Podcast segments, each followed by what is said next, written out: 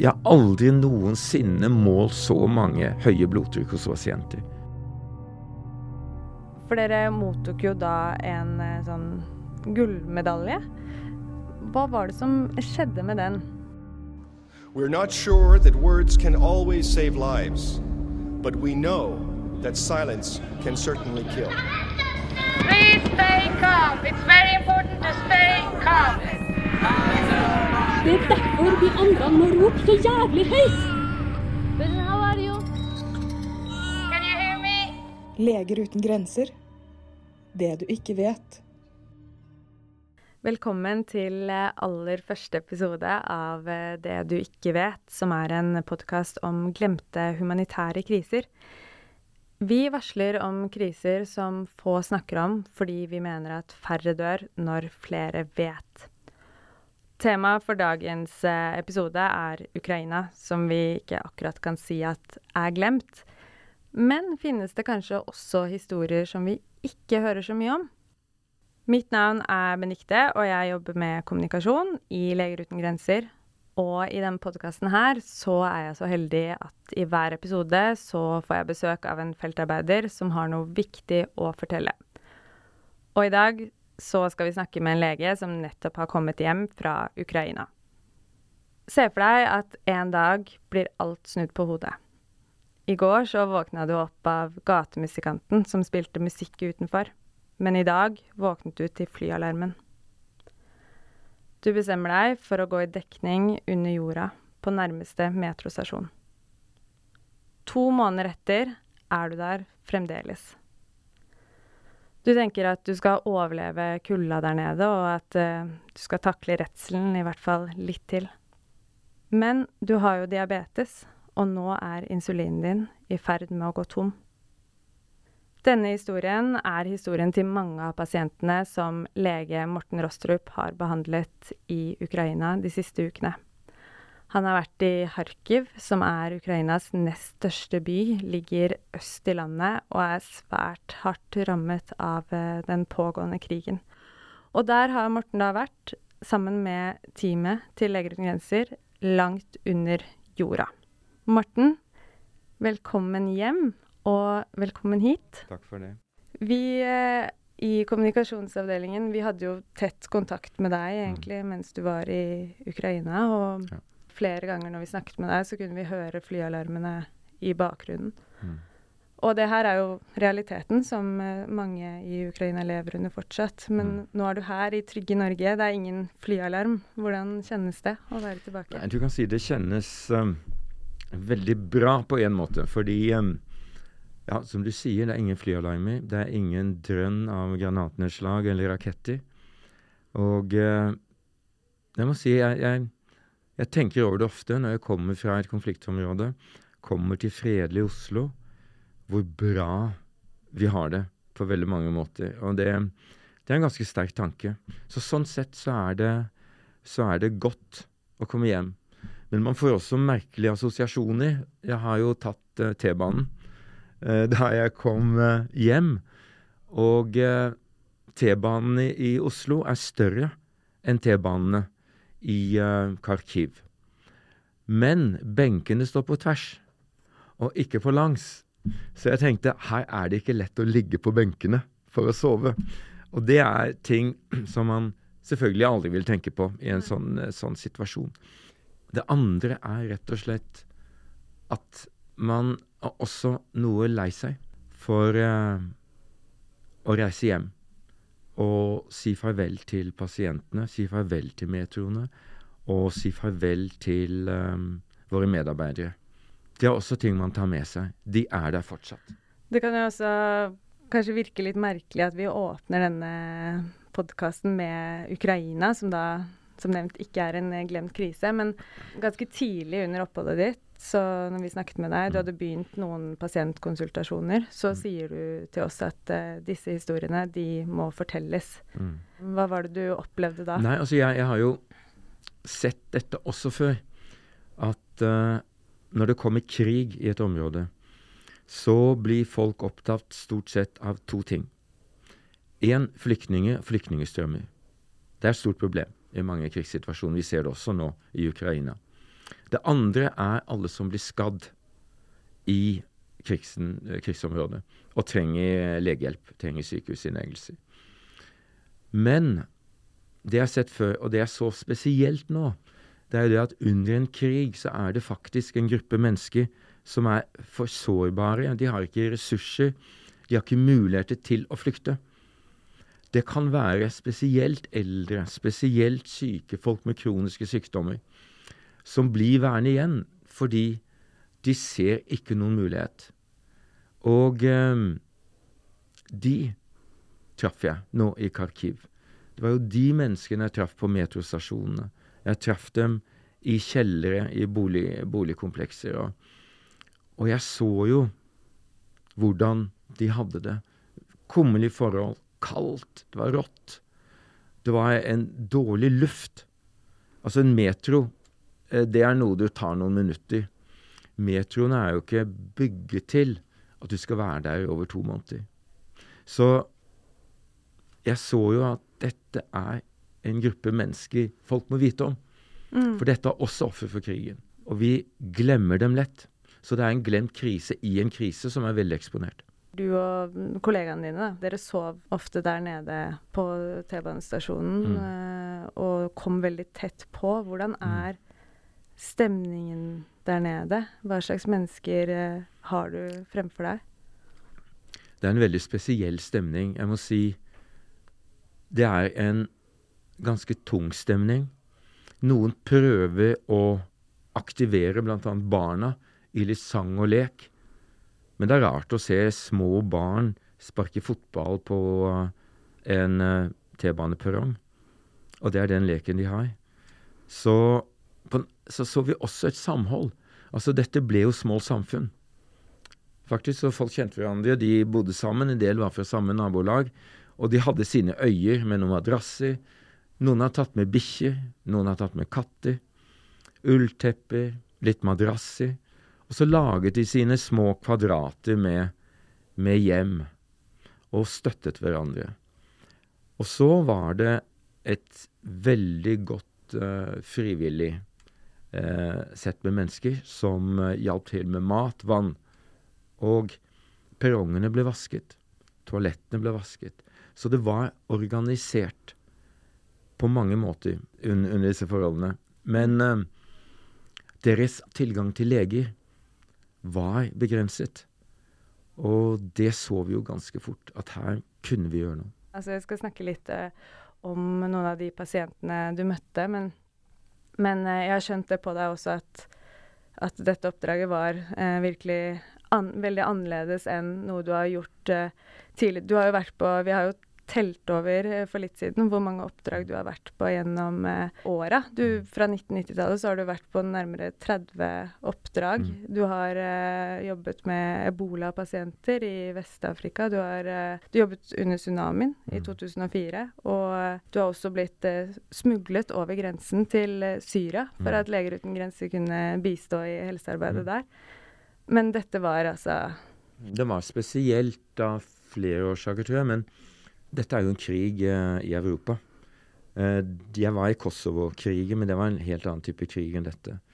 Og eh, det er et stort land. Det er et land med et oppegående helsevesen. Bra sykehus. Bra kvalitet. Og jeg var faktisk i Kiev i 2014 under Maidan-opprøret og, og, og så hva vi kunne gjøre den gangen. Mm. Og Da besøkte jeg også sykehuset. Jeg visste at standarden var god.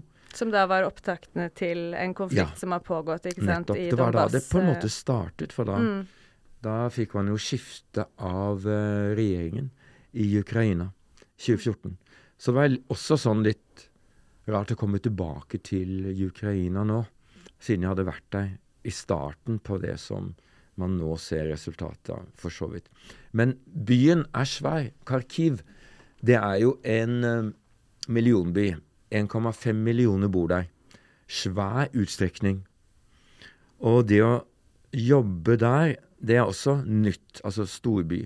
Da kan du si at dette var jo også en død by på sett og vis, fordi det var jo ikke trafikk omtrent. Vi så jo ikke noen mennesker i gatene.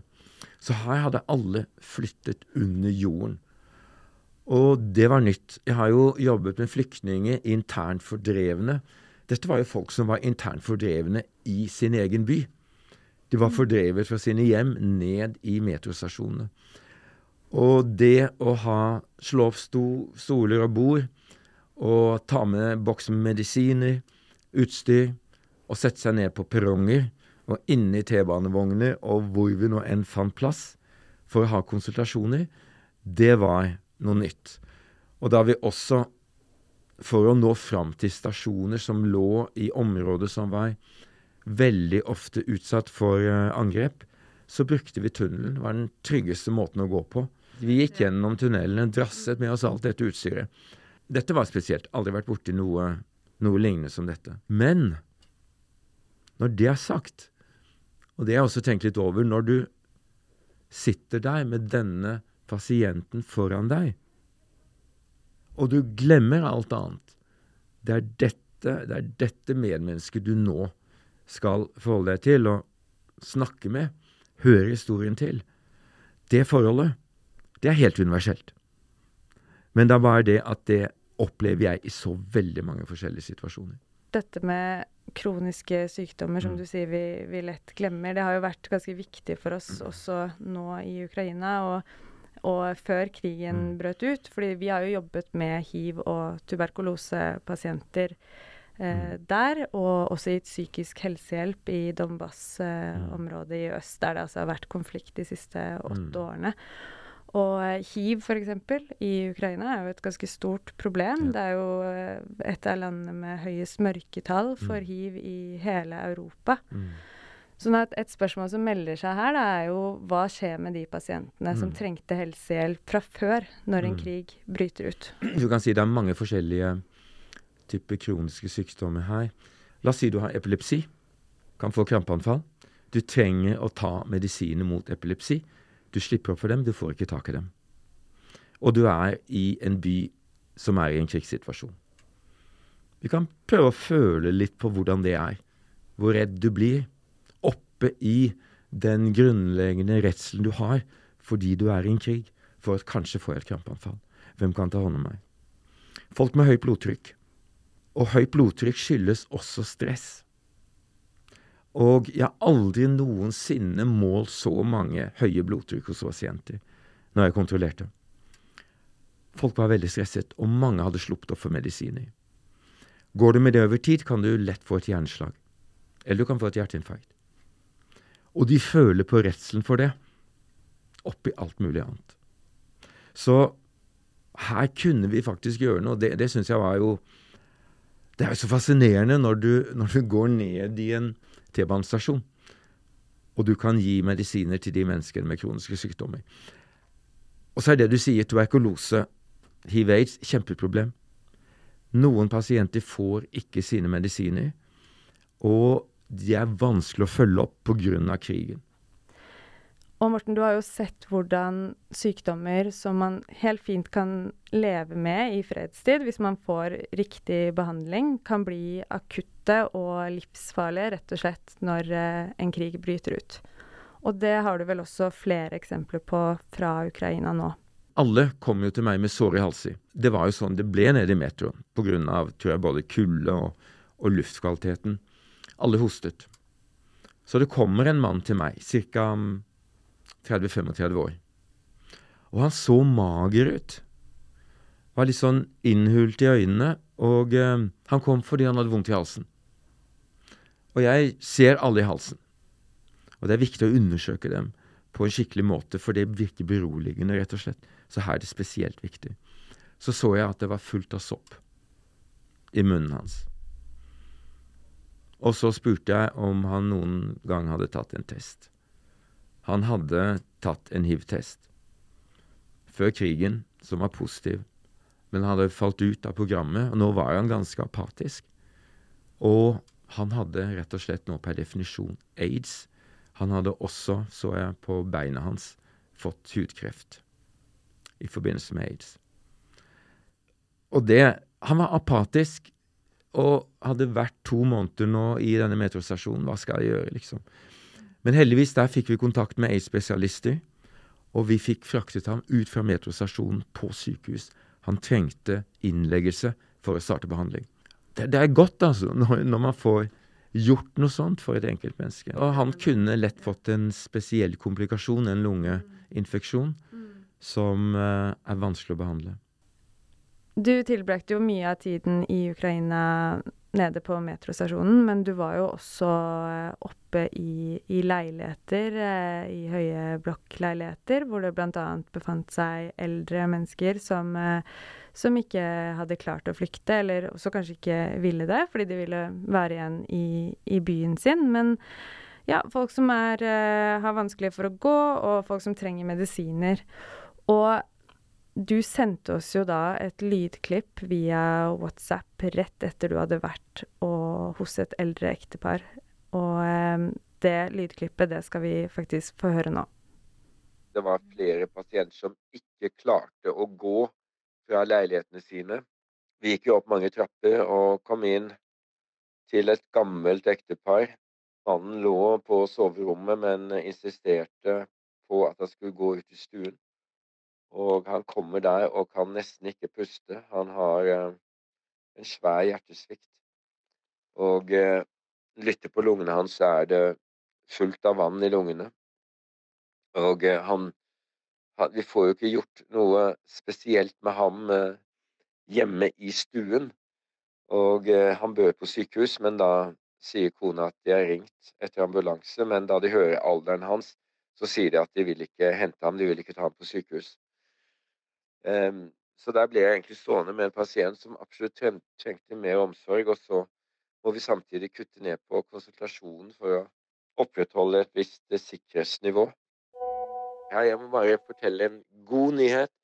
Etter at jeg hadde vært hos den gamle mannen som eh, holdt på å dø av vann i lungene, så hun som er en frivillig for alle, alle som bor i dette området, hun ringte tilbake til ambulansen og sykehuset etter at jeg hadde vært der og fortalte at nå hadde en lege sett, og han måtte komme på sykehus. Han hadde skreket i telefonen.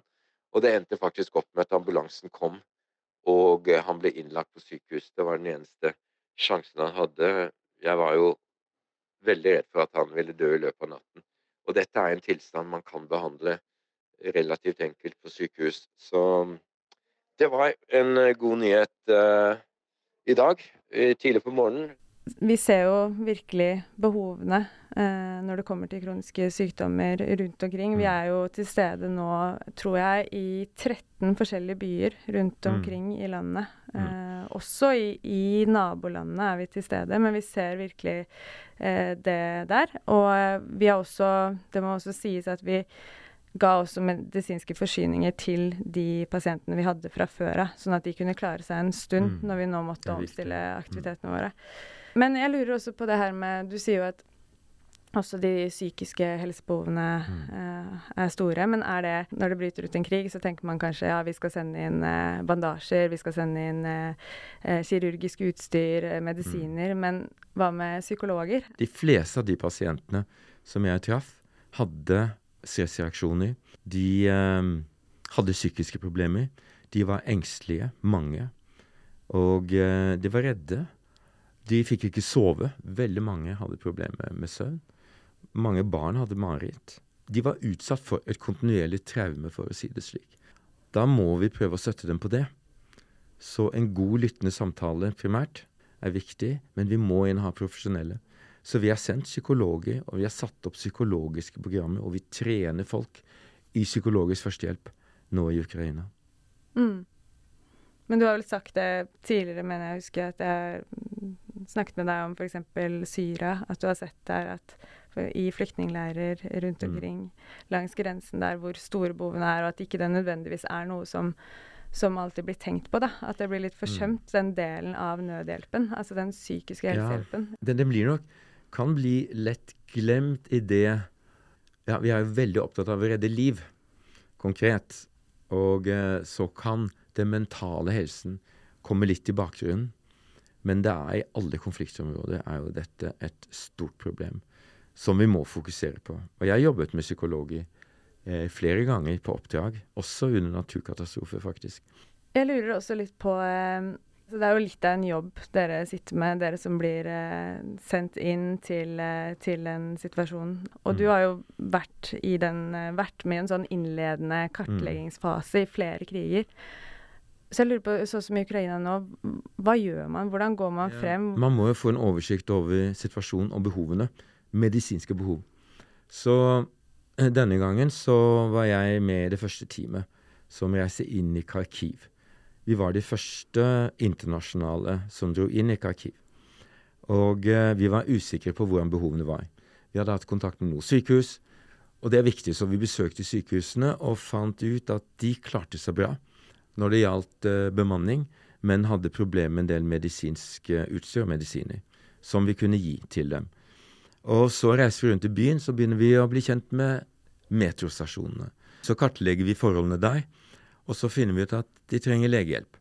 Og så gjør vi en totalvurdering. Så må vi ha kontakt med myndighetene. Og så må vi samarbeide med dem. Er det greit at vi gjør det, det og det? Og dette er sånn vanlige prinsipper altså som vi gjør hver gang. Nå fikk vi, fant vi veldig klare behov, og så gikk vi i gang faktisk nesten dagen etter, fordi jeg var der som lege og vi hadde noe medisiner med oss. Kunne vi begynne så å si med en gang. Men det, det, er, det er viktig å kartlegge behov. Og det folk av og til gjør, som er et problem ved en god del katastrofer, det er at folk tror det er et behov til stede, og det er det ofte kanskje akutt ved en naturkatastrofe. Men etter noen uker så er behovet noe helt annet. Men de tenker på det akutte behovet når de sender feltsykehus ned. Det har jeg sett i tsunamien bl.a. Og da er det ikke behov for det lenger. Så, så det med behov er viktig å kartlegge, men også tidspunktet for det, og hvor lang tid det tar for å kunne sette i gang med hjelpen. Her kunne vi begynne, som sagt, med en gang. Jeg var innom flere sykehus. Jeg har sjelden sett så mange slitne leger. Det må jeg si. Mange har bodd på sykehuset i denne perioden. Det har vært tøft. En annen ting som jeg bare føler at vi må innom her, Mm. det er jo mm, Vi snakker jo om disse her prinsippene våre. Vi er at vi er uavhengige, vi er upartiske, og vi er nøytrale. Og det kan jo virke litt sånn abstrakt når vi snakker om det. Kanskje nesten litt sånn snork for noen. Men i praksis, på bakken, så kan det virkelig være bety forskjellen på liv og død. Hva betyr det at vi er uavhengige, nøytrale og upartiske i Ukraina nå? Ja, at vi er nøytrale. Vi tar ikke stilling til det politiske innholdet i konflikten, for å si det sånn. Vi er nøytrale i forhold til det. Men vi er ikke nøytrale i forhold til overgrep og krigsforbrytelser. Da må vi snakke ut, hvis vi er vitne, vitne til det. Så, og det er viktig for så vidt at, um, at vi heller ikke får støtte fra parter i en konflikt. Eh, og det er fra regjeringer. Så i, eh, i Ukraina er det viktig at vi ikke får støtte fra f.eks. den norske regjering, som eh, sender våpen til Ukraina. Det vil kunne forkludre bildet av oss som å være nøytrale. Upartisk vil si at vi egentlig gir i henhold til behov, der det er størst, uavhengig av kjønn, alder, etnisitet, religion, politisk tilknytning osv. Og det gjør vi. Så er det uavhengighet. Det går litt på det økonomiske igjen. At vi er uavhengig av alle politiske aktører. Slik at vi kan ikke bli, bli tatt eller manipulert til å gjøre ting som vi ikke syns er i henhold til de behovene som er der. Og disse er bærende prinsipper. Men det fjerde prinsippet, det er humanitet. Det er at vi er der som medmennesker og hjelper til og er der. Og jeg må si at det opplevde jeg Jeg har opplevd før, men jeg opplevde det veldig sterkt og betydningsfullt. Og jeg hørte folk sa det. Her kommer det faktisk folk fra andre land som sitter her i metroen, som overnatter her sammen med oss. Vi skal ikke undervurdere betydningen av vår tilstedeværelse. Om støtte, solidaritet, håp, trygghet. Nettopp mye av det de mangler i en krigssituasjon. Og det opplevde jeg veldig sterkt på, på dette oppdraget. Ja, det er jo uten grenser eh, Vi er er det, vi vårt, er så- det, og det er, det er et så viktig prinsipp Mm. som vi ikke må forlate, sånn som uh, jeg ser det. Mm. Ja, altså Morten, det er så mye vi kan snakke om her, men uh, tiden begynner å renne ut. Men jeg vil bare at vi uh, bare vier litt oppmerksomhet også. Uh, det har noe med det du har vært inne på allerede. Det her med at vi, hvis vi skal velge side, så velger vi pasienten, ikke sant. Men eh, vi hørte en sånn en mannsstemme i starten her. Og det opptaket, det er jo fra faktisk Oslo rådhus. mm. Fra 1999. Mannen som snakker, han heter James Orbinski og var på den tiden president for eh, Leger uten grenser. Og det han gjør, rett og slett, er jo å holde Nobeltalen. Fordi Leger uten grenser mottok Nobels fredspris det året.